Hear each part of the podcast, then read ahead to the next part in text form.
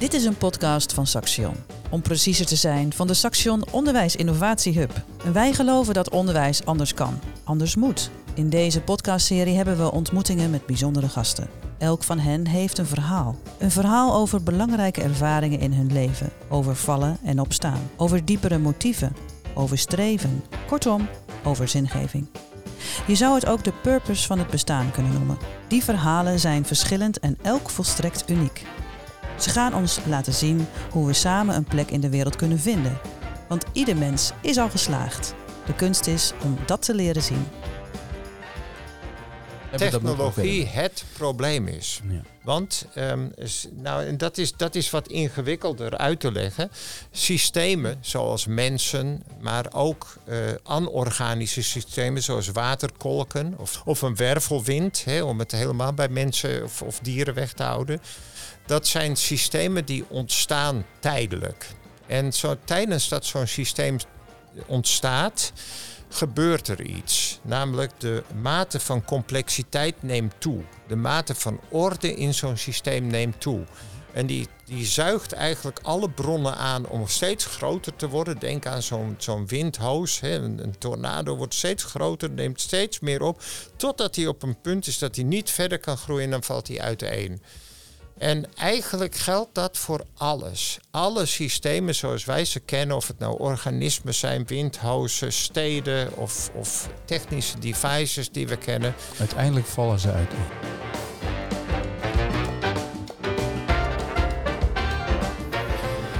Goedendag, welkom bij een nieuwe aflevering van deze podcast over onderwijs. In deze podcast spreken we met mensen over hun verhaal, over hoe ze geworden zijn, wie ze zijn en over de ambities die ze hebben voor zichzelf en voor de wereld waarin zij leven. We hebben het over de ervaringen die hen hebben gevormd en over de rol van onderwijs daarin. Hoe leren zij en hoe leren zij het beste? Wat heeft hen geholpen in de keuze die ze maakten en wat niet? Misschien vallen er lessen te trekken voor het onderwijs uit al deze verhalen. In elk geval is elk afzonderlijk verhaal interessant genoeg om even voor te gaan zitten. Mijn naam is Niti Marjan en tegenover mij zit mijn collega Aldo van Duifbode. Goedemiddag. Dag Aldo. Beiden zijn wij als onderwijsinnovator verbonden aan Saxion Hogeschool, die grote eh, onderwijsinstelling in het Midden-Oosten van dit land. Vandaag hebben we een bijzondere gast aan tafel en eh, dat is Jan-Willem de Graaf.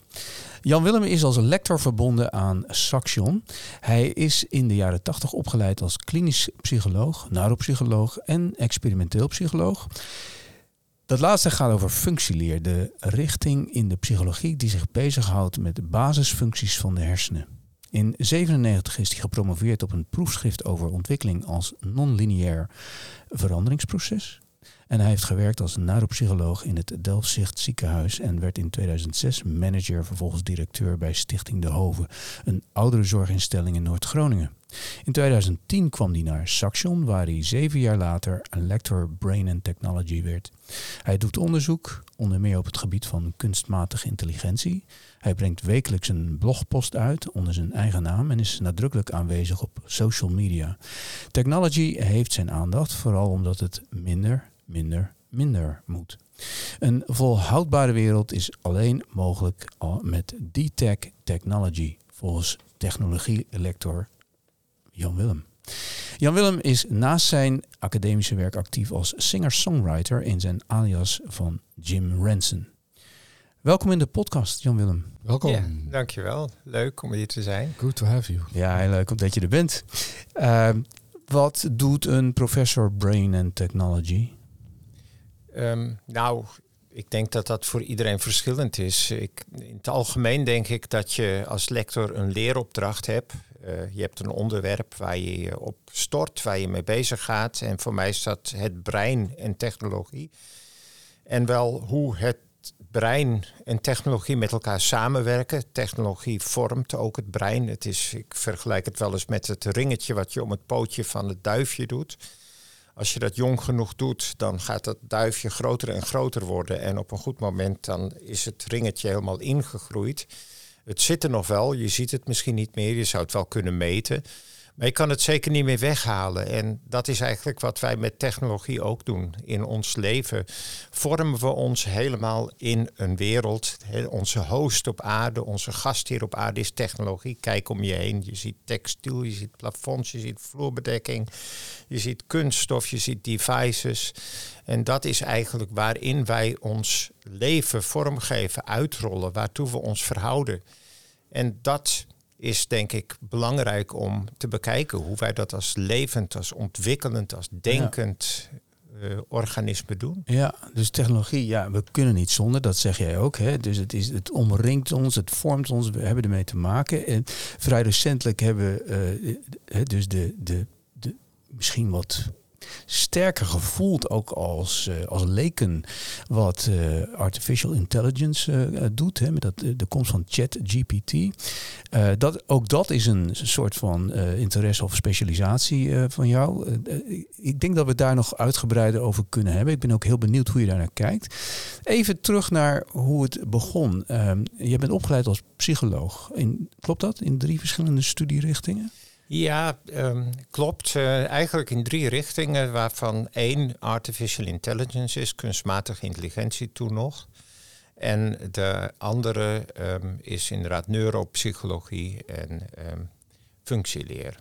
Ja, en uh, vervolgens ben je, ben je daarmee ook de gezondheidszorg ingegaan? Ja, ja, uh, tegen de verwachting in.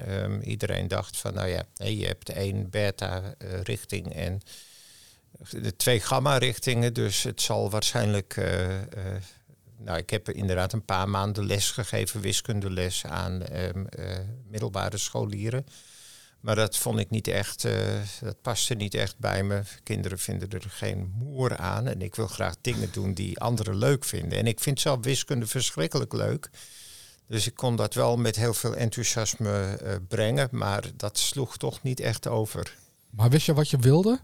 Want je bent deze ja, studie gaan doen, maar... Ja, um, nou, eigenlijk um, wist ik wel wat ik wilde. Ik um, uh, heb eigenlijk altijd een interesse gehad in uh, muziek, uh, wiskunde en ja, het mentale. En dat mentale, dat komt eigenlijk omdat ik als kind wat afwijkend was. Dus ik was wat men toen noemde autistisch. En dat uh, werd in die tijd nog een beetje gezien als een, uh, ja, een beperking. Een, ook echt een, een geestelijke beperking. Dus alsof je niet helemaal een mhm. beetje zwakzinnig was. Men dacht ook, nou, de lagere school is te hoog gegrepen voor hem. Dat abstractieniveau gaat hij nooit bereiken. Nou, nu denkt men heel anders over autisme. Het staat ongeveer in de volksmond uh, bij heel veel mensen gelijk. Dat als je min of meer normaal bent en toch autisme hebt, dan ben je waarschijnlijk wel hoogbegaafd. Dat is ook een beetje het andere uiterste. Maar um, de dingen die ik hoorde over mij, om de zorgen die er waren um, als klein kind, van ja, hij is gevoelsarm. En ik dacht van nou, dat ben ik helemaal niet. Ik voel juist heel veel. En hey, ik sluit me af voor die gevoelens. Maar ik voel heel veel. En dat ga ik de wereld vertellen. Dus dat heb ik altijd een beetje in mijn achterhoofd gehad. Nou, dus je, toen ik je, jaar opleidingen gingen in het verlengde van je eigen ervaringen ook. Ja, want toen ik een jaar of twaalf was, toen in ene, uh, nou toen moest ik naar het ITO, dat was het individueel technisch onderwijs, het laagste niveau van het laagste wat er was. Maar dat paste natuurlijk niet, omdat ik uh, ja, te gevoelig uh, was en niet echt een, een stoere jongen of zoiets. Dus uh, nou, uiteindelijk uh, viel het kwartje. Ik mocht naar een, een, een, toen MAVO. En op de MAVO, nou in het eerste jaar sloeg het niet aan. Had ik allemaal ene en tweeën. En toen dacht ik, ja, wat we daarmee moeten weten we niet. Maar in het tweede jaar sloeg het wel aan. En toen kon ik zo hops omhoog in de brugklas. En uiteindelijk kon ik um, met negen en tienen um, mijn eindexamen halen. En toen was dat dus uh, ge, uh, nou ja, eigenlijk voorbij, uh, die beperking. En vanaf dat moment heb ik altijd makkelijk kunnen leren. En um, ja, ik denk dat muziek daar ook een rol in speelt. Ik vond het fijn om muziek te maken. Ik werd getriggerd door, door bandjes in die tijd, zoals de Beatles. Dat, dat vond ik heel mooi. En Alice Cooper. Schools Out Forever. Ja, Schools Out. Ja, fantastisch. En Elected. De, gewoon de brutaliteit daarvan. President dat, uh, worden, ja. Ja, dat vond ik fantastisch. En, nou, dus, dus ik startte toen ik 16 was mijn band, mijn eigen band. En ja, dat, dat ging eigenlijk ook allemaal best wel goed. En ehm, ja, zodoende uh, rolde het balletje. Schoolmuziek uh, gestudeerd en vervolgens aan de muziekschool en op het conservatorium en de toen nog pedagogische academie um, les gegeven. Dat ging niet zo goed, want ik had er te weinig orde voor en ik gaf dan theorie. En dat was een moeilijk vak voor iedereen, dus dat werd niet echt succesvol. Maar de muziekles op de muziekschool wel was hartstikke leuk met kinderen die echt graag eh, gitaar mhm. wilden spelen, onder andere in Wassenaar. Um, gewerkt. En nou, daar waren de ouders van de kinderen wilden echt dat hun kind de mooie klassieke stukken speelde op de gitaar. Maar dan kwamen die kinderen en dan wilden ze ACDC. En ik zei gewoon, dat doen we.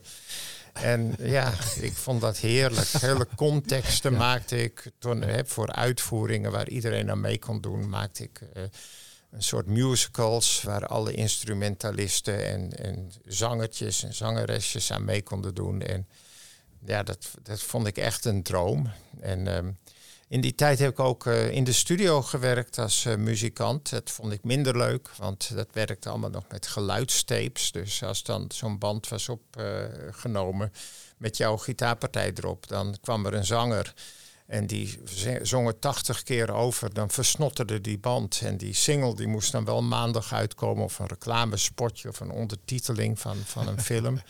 En waar de muziek opnieuw bij moest. En, dus technologie is soms wel handig. Moest je opnieuw terugkomen. en dat vind ik, die exposure van Jan Willem, nu dit, dat, uh, ja. En daar kan ik nog steeds heel slecht tegen. Als ik en, dus, eh, je zegt hè, de muziek, uh, maar ook, uh, nou, je weet alles van het brain en, uh, en technologie. Dat zijn toch drie velden die, zo geloof ik dat dat is, in het, in het brain ook heel anders verwerkt worden. Klopt dat? En, en nou, hoe komt dat voor zo? Voor mij is het één geheel. Ik heb na, in, in, ik geloof dat ik toen ik 27 was, nog net, kon ik weer gaan studeren. Toen ben ik opnieuw gaan studeren. En, psychologie um, aan de universiteit. En ik ben nog wel doorgegaan met muziekles, omdat ik het uh, niet mijn hand meer kon ophalen. En dus ik dacht, dan moet ik toch mijn eigen studie verdienen. Ja. En daarmee bezig en ook de wiskunde uh, en de psychologie combinerend, kwam ik al vrij snel. Ja, van muziek weet ik heel veel af. Uh, dat is mijn vak op dat moment uh, nog. Dus ik ga een, een robot maken, een systeem ontwerpen dat muziek genereert. En dan kan ik bewijzen dat ik snap hoe het in het brein gaat. Dat is natuurlijk achteraf een grote misvatting, want het brein is veel ingewikkelder.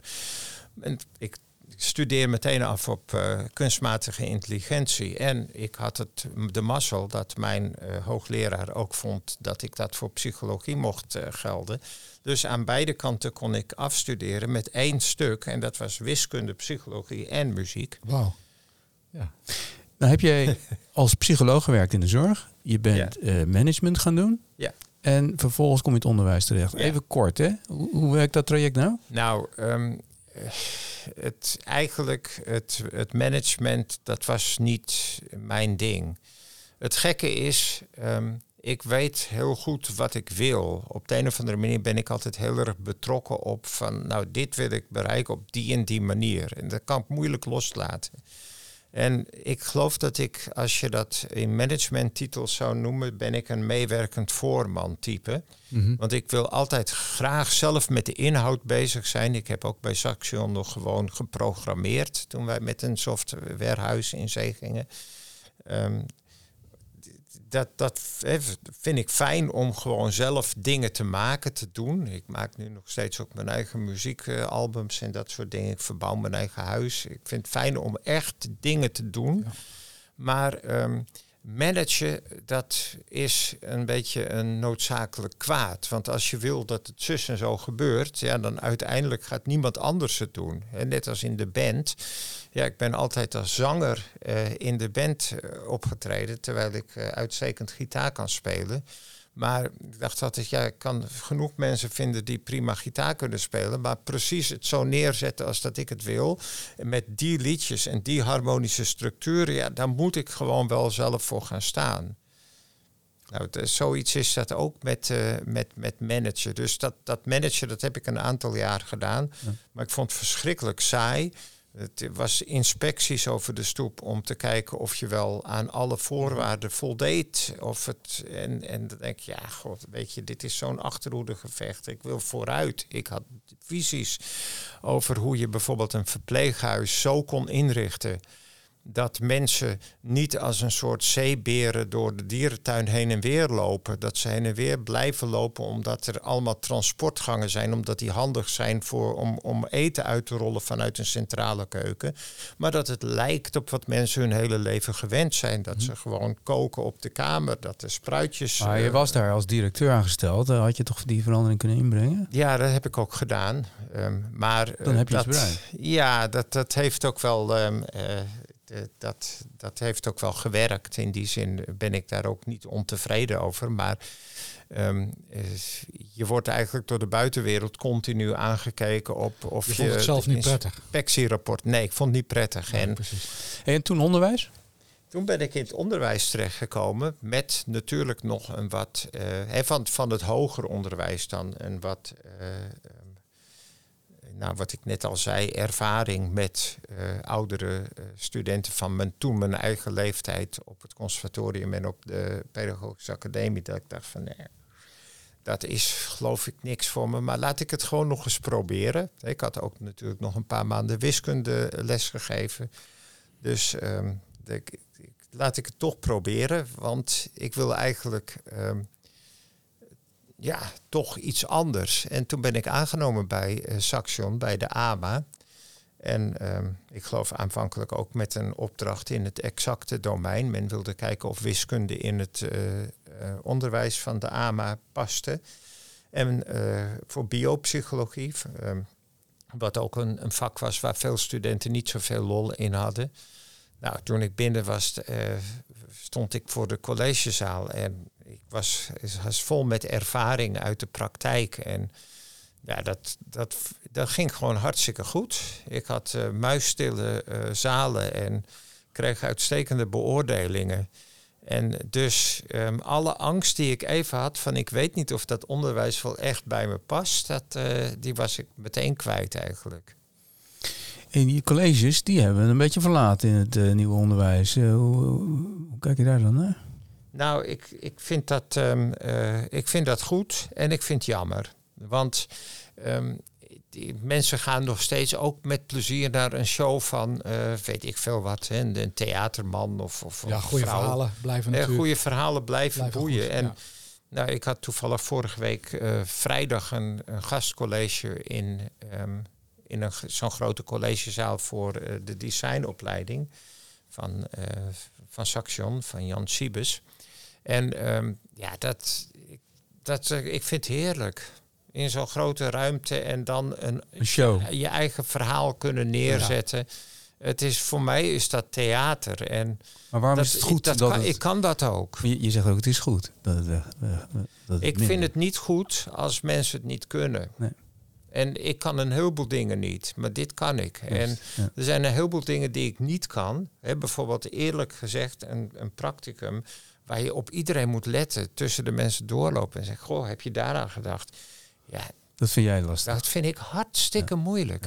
Echt hartstikke moeilijk. Ik, ik krijg dat, dan moet je elke keer contact maken. Ja, en dat autistiforme, ik vind mezelf geen autist. De rest van de wereld denkt daar vaak wat anders over, maar ik vind dat niet. Maar ehm, ik ervaar wel dat ik uh, ja, die, dat contact leggen, dat, dat sociale uh, uh, moeilijker vind. En toch ben jij op een gegeven moment uh, daarvan afgestapt, of ik weet niet helemaal, maar je bent in het onderwijs gebleven, maar wel als lector. Ja. Dus dat houdt in onderzoek en onderwijs. Tenminste, zo interpreteer ik het lectorschap. Um, in twee zinnen jouw lectorale reden en wat en uh, in twee zinnen. En uh, hoe ben je daar nu nog mee aan de slag? To, to an argument-based practice. Ik, we zagen in die tijd heel erg evidence-based. Je moet bewijs hebben uit de evidentie en daar moet je op richten. Mhm. Ik dacht van ja, dat vind ik um, armoedig. En ik snap dat mensen dat zeggen, maar dat komt omdat ze niet goed kunnen nadenken. En dat klinkt hard als ik het zo zeg, maar um, ik bedoel dat niet zo hard. Ik bedoel meer dat als je goed argumenteert, dan hoef je een heleboel dingen niet te doen, omdat je ze wel weet. Zoals als ik even naar, naar mijn blog, die noemde je net, van deze week ga, dan stel ik daarin als eerste zin dat we exact weten, met een wetenschappelijke precisie die ongekend hoog ligt, waar alle innovatie tot nog toe toe geleid heeft. Namelijk exact tot de wereld zoals we die nu zien. Ja. Dus de problemen die er nu liggen met betrekking tot volhoudbaarheid, hè, dat we bijvoorbeeld misschien wel hele, uh, nou, een, klimaatcrisis hebben die ons helemaal onderuit haalt, biodiversiteit die afneemt, sowieso heel veel biologische sterfte, planetary boundaries die we overschrijden met alle mogelijke uh, scenario's die daarop volgen. Um, al die dingen zijn het netto resultaat, zou je kunnen zeggen, van alle innovaties die wij 200 uh, eh, jaar lang verlichting, uh, eh, 300 jaar verlichting uh, ons hebben gebracht. Nou, dit soort dingen kan je heel makkelijk stellen. En als je je focust op een evidence-based practice, dan zeg je van nou, ik ga dat eerst eens onderzoeken. Maar hier valt niks aan te onderzoeken, want de evidentie ligt op tafel. Mm, ja, dus die kan je gewoon in, in je argument stoppen. Ja, en, en, en, toch hoor ik veel mensen altijd nog zeggen als het maar evidence-based is. Hè? Ja. Waarom is dat? Dat is omdat um, om, om goed te kunnen argumenteren, um, heb je eigenlijk een heel klein beetje, um, ja, daar komt dat derde aspect, hè, wat ik steeds noem, een klein beetje wiskunde nodig. Ja. Je hebt, hebt in ieder geval, wiskunde is geboren uit de logica, filosofie ook psychologie, filosofie, logica, wiskunde. Het zijn allemaal talen, zou je kunnen zeggen. En je kan in, eigenlijk is, is het tamelijk eenvoudig bij argumenteren, want je hebt maar een, een schema van vier um, grootheden. De modus tollens, de modus ponens, de affirmation of the consequent en de confirmation of the antecedent. Dat zijn eigenlijk de vier uh, dingen. Twee daarvan zijn fout en twee daarvan zijn op zich goed. Nou, daar, daar heb je allemaal regels die je daaruit kan halen. Dat wordt, wordt al snel wordt het dan veel ingewikkelder dan die vier uh, grootheden. En daar raken mensen de weg kwijt, omdat ze dan zeggen van ja, ik, uh, ik wil het liever in de praktijk zien. Nou ja, ik ben hè, met mijn autistiforme brein waarschijnlijk iets formeler in mijn gedachten. Waardoor ik het heel goed uh, kan redden met, um, met die formele structuur in mijn hoofd. En, en als je net vertelt, ik vind het fijn om verhalen te vertellen. Ik vind het ook wel belangrijk dat het blijft gebeuren. Waar gaan die verhalen over?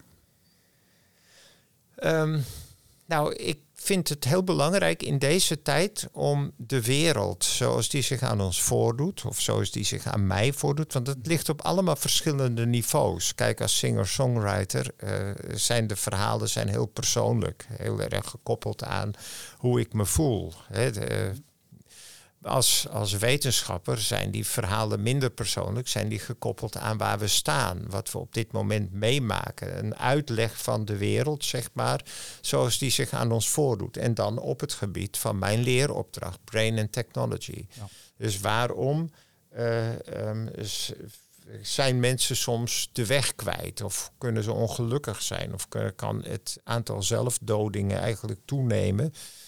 Um, nou, dit, dit soort aspecten, hè, dat kan je uh, relateren aan het perspectief waarin we staan. En de, de weg die wij invullen voor iedereen, de wereld die steeds meer ingevuld wordt. En een initiatief zoals dat van jullie, Purpose Driven Learning, ja, dat vind ik fantastisch, want dat opent, hè, dat divergeert de wereld. Terwijl al die kleine appjes die we hebben, al die regeltjes, al die systeempjes van reisbalans tot en met AVAS en weet ik veel wat, allemaal erop gericht is om mensen in de tang te houden. Hè. Wij lopen de hele dag als een soort skinnermuizen, lopen we op, op, op Ik, ik merk een pilletjes nadrukkelijke drukken. irritatie. Ja, dat, Hè, dus, dus, eh, eh, dus ook als je verhalen vertelt, je maak het groter in plaats van maak, maak, maak het kleiner voor mensen. Is dat, is dat wat je zegt? Of? ja mijn, mijn verhalen ehm, eh, gaan over ehm, ehm, ja, het, het grotere geheel. Ja, oké. je, je verhouden tot dat grotere geheel. als mens. als mens. En je, je zei net ook in de bijzin, als we, hè, dus eh, over wat je ziet. Wat zie jij op dit moment in de wereld? Wat zie jij waar je vindt dat we, waarover verteld moet worden? Nou, ik zie heel veel eh, verhalenvertellers in de wereld waar ik eh, eh, 100% net zeg ik, dat mag ik niet zeggen, want mijn hoofd zegt dat is niet zo, Jan-Willem. Ehm, ik zou willen zeggen in de volksmond 100% achter staat. Dan denk ik bijvoorbeeld aan Kees Klomp of ik denk aan Aldo van Duivenbode of aan Frank Landman hier aan tafel. Ik vind dat jullie ja. alle een fantastisch verhaal hebben. Hè, met de betekenis-economie bijvoorbeeld. Ik vind wel dat er in het verhaal van, van in, in ieder verhaal ontbreekt iets. En wat, wat mijn eh, verhaal is, is dat ik graag datgene wil laten zien dat anderen over het hoofd zien. De roze olifant in de kamer. Bijvoorbeeld. Nou, ja. noem hem eens, of noem er eens een meerdere. Ehm, het technologie. Want, Want, ehm, nou, en dat is, dat is wat ingewikkelder uit te leggen. Systemen zoals mensen, maar ook eh, anorganische systemen zoals waterkolken of zoals steden. Hè, dat zijn natuurlijk wel door mensen gebouwd. Een waterkolk niet, maar een stad wel. Of een wervelwind, hè, om het helemaal bij mensen of, of dieren weg te houden. Dat zijn systemen die ontstaan tijdelijk.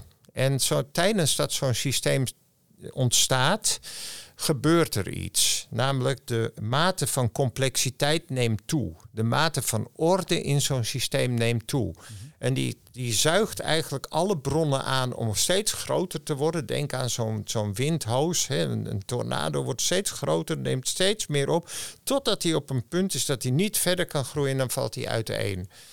En eigenlijk geldt dat voor alles. Alle systemen zoals wij ze kennen, of het nou organismen zijn, windhozen, steden of, of technische devices die we kennen. Uiteindelijk vallen ze uiteen. Het zijn systemen, ja, maar voordat ze uiteenvallen, trekken ze alle eh, energie aan om in complexiteit te groeien. Groei en honger, greed noemen ze dat.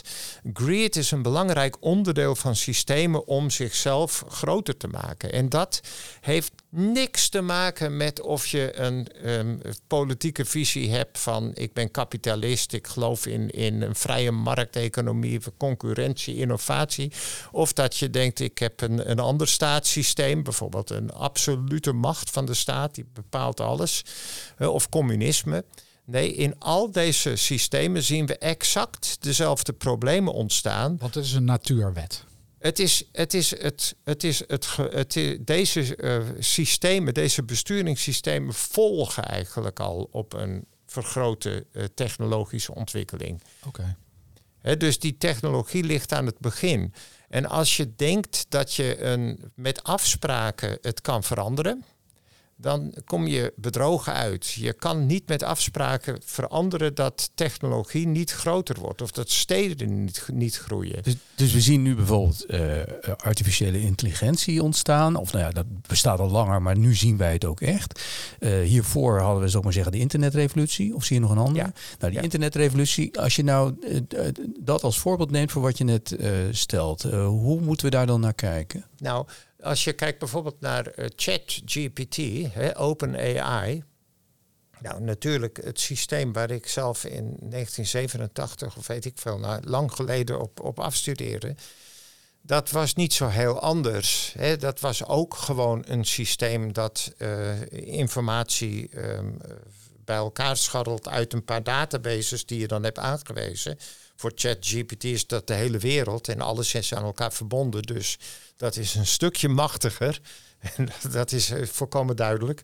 En de algoritmes zijn in de loop van de jaren ook een heel stuk slimmer geworden. Zijn op netwerken gebaseerd en niet op conditionele algoritmen. Maar dat daar gelaten. Het, het dat is een beetje complex ja, inderdaad. dat, dat, dat doet er niet toe. Nee. Het, het, het punt is dat ehm, niemand in de wereld gevraagd heeft om ChatGPT. Eigenlijk is ChatGPT of OpenAI een oplossing voor een niet bestaand probleem. En zodra die oplossing op de markt komt, is het direct een probleem voor iedereen. Want we moeten ons er allemaal toe verhouden. Of we nou communist zijn, of we ehm, eh, neoliberalist, of dat we partij maar sommige mensen zien ook kansen. Ja. Die gebruiken het. En zeggen, hé, hey, verrek, mijn werk wordt er makkelijker van. Of ik hoef minder te werken. Ja, en, en er zijn kansen en mogelijkheden, maar de, waar het mij nu om gaat is dat er een, eh, dus ongevraagd een probleem wat niet bestaat wordt opgelost, wat direct problemen genereert. Ja. Het, het genereert even zoveel mogelijkheden, absoluut.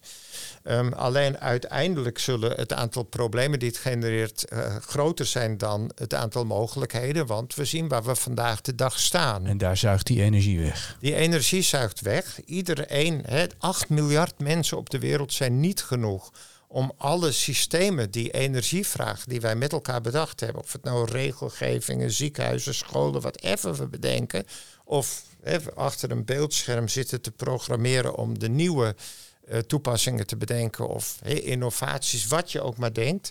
We hebben aan 8 miljard mensen niet genoeg. Terwijl als je nagaat dat er 107 miljard mensen ooit geleefd hebben, waarvan er 8 miljard nu, dat is 7,2 procent, dan snap je dat we echt nu heel veel handen aan dek zouden kunnen hebben. En toch vinden we dat we de zorg moeten innoveren. We moeten vooral robots hebben die oude mensen verzorgen. Want we willen onze handen niet aan elkaar vuil maken. Ja, dus dit is echt een gigantische olifant. Ja. Want de wereld zit te wachten op technologie om al die klimaatproblemen, organisatieproblemen, zorgtekorten, noem alles maar op, op te lossen middels technologie. En wat jij hier stelt is dat technologie niet de oplossing is, maar eigenlijk de oorzaak van Exact. de oorzaker van de problemen. Precies. Ja. Hoe verder, Jan Willem? Want dit is, Ja. dit is Dit is, dit, Wow. is, dit is de kwestie eh, die ik in mijn proefschrift hè, eh, over die non-lineaire eh, mathematica al aan de orde heb gesteld. Want wat jij zegt, dit is gewoon wiskundig aantoonbaar. Ja. Dit is niks.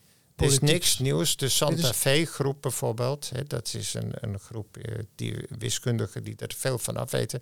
Stuart Kaufman was een van mijn grote helden, die Origin of Order. Een van zijn boeken waarin hij mathematisch laat zien hoe negatief entropische systemen. En negatief entropisch wil zeggen, entropisch is verval. Ja. Complexiteit valt weg en de dingen vallen uiteen. Mhm. Eigenlijk als je kijkt, hè, als je echt duurzaam wil zijn, dan is er, dan, dan verandert er niks. Maar in onze wereld verandert er continu van alles. Het wordt complexer. Het verval dat treedt op. Eigenlijk zijn wij, alle natuurlijke wezens, zijn een bestand tegen verval. Mhm. Jouw conclusie is detect technology, Ja. minder. Kan dat? Ehm, we kunnen niet zonder technologie. Dat heb ik eigenlijk in mijn reden ook al eh, ehm, bekracht eh, proberen neer te zetten. Omdat wij als mens, toen we op 250.000 jaar geleden begonnen, hadden we al taal. We hadden al de hefboom hè, in de vorm van bijvoorbeeld hamers en later wielen, continue hefbomen, katrollen, zuigers en dat soort dingen. En we hadden al energie in de vorm van vuur. Later werd dat magnetisme, waterkracht, eh, elektriciteit en dat soort dingen. Dus die drie basistechnieken hebben we nog steeds. Alleen het vindt nu zulke complexe eh, systemen die dan ook steeds groter worden. Dat ja, we kunnen een heel eind terug. We zien bijvoorbeeld aan indigenous peoples, hè, de inheemse volkeren, dat die goed in staat zijn om in harmonie met hun omgeving, met de natuur te leven. En ons lukt dat gewoon niet. Dus- totdat technologie ook naar hen toe komt. En dat zij gaan zien, hey shit, eh, dat kan iets makkelijker, iets Ja, maar sneller. daar, daarmee, daarmee is het dus inderdaad heel duidelijk. Daar is het heel duidelijk dat het het probleem is. Hè, dat we dus inderdaad volkeren hebben die zich perfect met een planetaire voetafdruk die, die ontzettend klein was, waarmee ze wel wel honderd keer zo groot hadden kunnen zijn. Totdat we de tele- mobiele telefoon binnendragen en ze allemaal beginnen energie te Ja, gebruiken. allemaal energie en materiaal verslaafd te worden. Ja. Letterlijk verslaafden hebben niet het beste gedrag van Dus zichzelf. nog een keer de vraag, kan het? Kunnen we met minder? Het kan, maar het eerste wat moet gebeuren, naar mijn idee, is dat het bewustzijn verandert. En dat bewustzijnverandering is, ja, ik vind het prachtig om het over betekeniseconomie te hebben. Ik vind ook de, ehm, de, enorme energie die mensen zoals Kees Klomp en Frank Landman erin stoppen om het publiek te laten zien hoe het werkt. En Jan Rotmans ook niet te vergeten te noemen. Dat vind ik ontzettend belangrijk en ontzettend bewonderenswaardig. Maar het kan echt alleen maar verder komen als we met elkaar gaan zien dat de olifant in de kamer technologie is. Maar kan dat? Kunnen we dat gaan zien en daarna gaan handelen? Dat kunnen we gaan zien. Want dat is een politieke kwestie, denk ik. Nou, ehm, Kijk, kijk en Elon Musk zegt al van, eh, geloof ik, van eh, jongens, we moeten een pauze nemen, zoiets. Of dat nou, waar die, dat, Ja. wat voor motivatie daarvoor heeft, weet ik niet. Eh, nou, maar maar ga- ga- nou, kan ik- het überhaupt? Gaan wij dat doen? Ik, kijk, uiteindelijk, ehm, als we dat prachtige boek van David Wengrow en David Graeber hebben gelezen, ik weet niet of jullie dat weten, het begin van alles heet het in het Nederlands eh, vertaling. Dat gaat over ehm, de prehistorie en men toont daaraan dat er toen ook al wel steden waren, wat niemand wist, maar wat zij ehm, eh, op grond van wetenschappelijk bewijs eh, laat zien. En laat ze ook zien dat er in die tijd ook ehm, al geëxperimenteerd werd met alle mogelijke technologieën die we nu ook hebben. Wel natuurlijk heel eenvoudig, bijvoorbeeld domesticeren van varkentjes en dat soort dingen. Maar dat werd niet gebruikt om het jagen-verzamelen aan de kant te zetten. Integendeel, die varkentjes waren leuk voor de kinderen of voor het huis als een huisdiertje. En die ging je met geen mogelijkheid eten, want een echte kerel die ging eh, lekker op jacht. Of hè, soms was men vegetarisch, zoals veganistisch, dan ging men noten eh, verzamelen en dat soort dingen. En eh, zelfs het wiel is soms ook weer weggehaald. Hè, dat men het wiel gebruikte en men het- een nieuw bestuur had, een nieuwe generatie zei, we stoppen met het wiel. Want we vinden het wiel toch eigenlijk Dat is te veel van onze aantoonbaar draagkracht. gebeurd. Ja, dat is aantoonbaar gebeurd. Hè, en dan zag je dat ze het wiel wel doorgaven als kennis in kinderspeelgoedjes die ze maakten. Maar niet maar in de niet-. Niet gebruikte in de wereld. En dat soort keuzen, eh zij, zij laat zien dat de vrijheid van keuze weg is. Wauw. Nu naar, eh, nog even naar onderwijs. Want dat, eh, dat is toch waar we het ook echt wel even over moeten hebben. Dus, ehm, eh, dus dit alles overziend. En ook met jouw lectoraat dat je in een hoger onderwijsinstelling hebt. Wat zijn de implicaties hiervan voor onderwijs? Nou, ik denk sowieso dat het heel belangrijk is om ehm, eh, dus de stap die jullie gezet hebben met eh, eh, purpose-driven learning, ik denk dat dat eh, het, het beginpunt is. Want je kan niet met studenten echt met een open vizier kijken naar hoe we met elkaar de wereld van niet volhoudbaar, van hè, we staan er 10-0 op achterstand eigenlijk, naar eh 1-0 op voorstand brengen als je blijft beweren dat je het allemaal zo goed weet.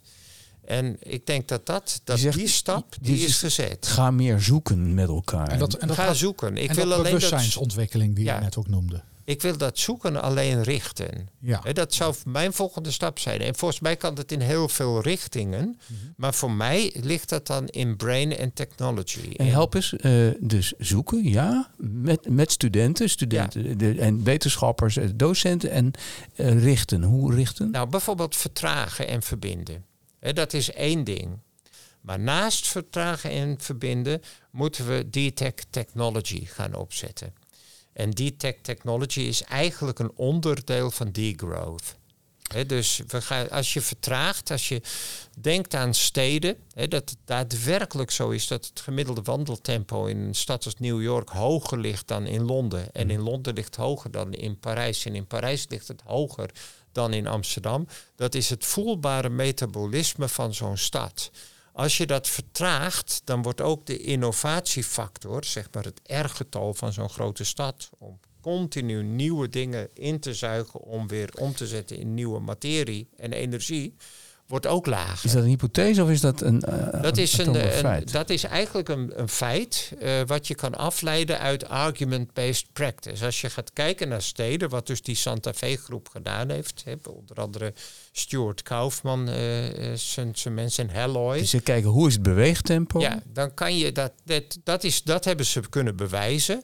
Maar er zitten allemaal wiskundige wetmatigheden in systemen. Hè, die je met complexity theory, comple dus ja. dynamische systeemtheorie, kan, kan bekijken.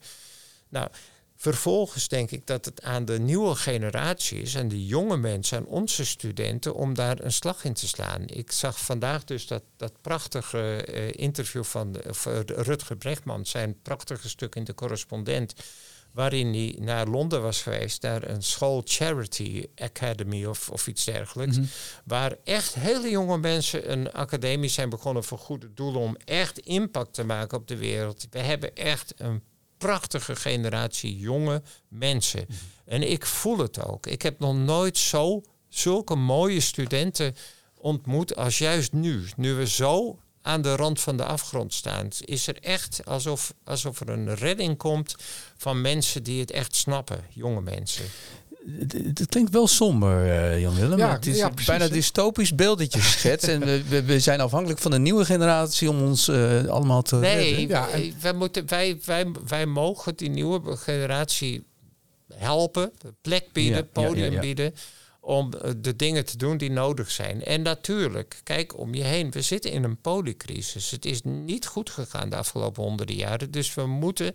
Kijk, als je bijvoorbeeld zo Saxion soms lijkt te roepen... van jongens, we moeten sneller innoveren, meer innoveren. Forget it. We gaan niet meer innoveren. We moeten vertragen en verbinden. Dat is nummer één. En liefst verbinden met elkaar een hand geven en niet met een app tussen ons in, maar gewoon met een hand geven. Maar ik hoor je ook zeggen, ik zie jonge mensen die dat al doen. Die doen dat. Ja. Is dat misschien, want we moeten ook naar een afronding. We kunnen met jou volgens mij een middag vullen, maar we moeten toch ergens een afronden. Maar een, een, een, een hoopvolle afsluiting van, ik zie jonge mensen die dit wel willen. Ja, ik, ik had het gevoel dat ik een heel hoopvol uh, boodschap bracht. En jullie zeggen wat een dystopisch beeld. Nou, nee. Nou. De, dus de, hoopvolle, de, de, de hoop zit er maar in dat jij kansen ziet. En je Ja. Ik zegt, zie ja, enorme kansen. Precies, ik, ja. ik denk echt, ik, ik geloof en vertrouw. ehm, eh, vertrouwen is ook een, natuurlijk een gek iets, want dat betekent dat je het ook niet weet, want anders hoef je niet te vertrouwen. Maar de, Argument-based. ja, ja.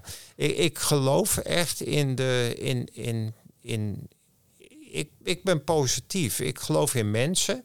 Ik geloof alleen dat we. Maar één ding echt heel duidelijk moeten doen. Technologie is de olifant. En dat is niet omdat het lelijk is. Ik vind technologie verschrikkelijk leuk. Maar het is gewoon simpelweg de olifant. Techn- Niet economie. Houd ermee op. Economie is een gevolg. Technologie is de olifant en mensen zijn de hoop. Dat Ja, lijkt me een hele exact. dat, Ja. is, dat is mooi Zo om hele af te mooie sluiten. afsluiting. Ja, Geweldig. eh eh, dankjewel eh, Jan Willem voor Dankjewel je voor komst je- naar de studio. ja. Heftige en, en bevlogen verhaal. Dank je. Dit was een productie van de Saxion Onderwijs Innovatie Hub. Heb je ideeën of wil je weten wat we allemaal doen? Kijk dan op saxion.nl voor meer informatie.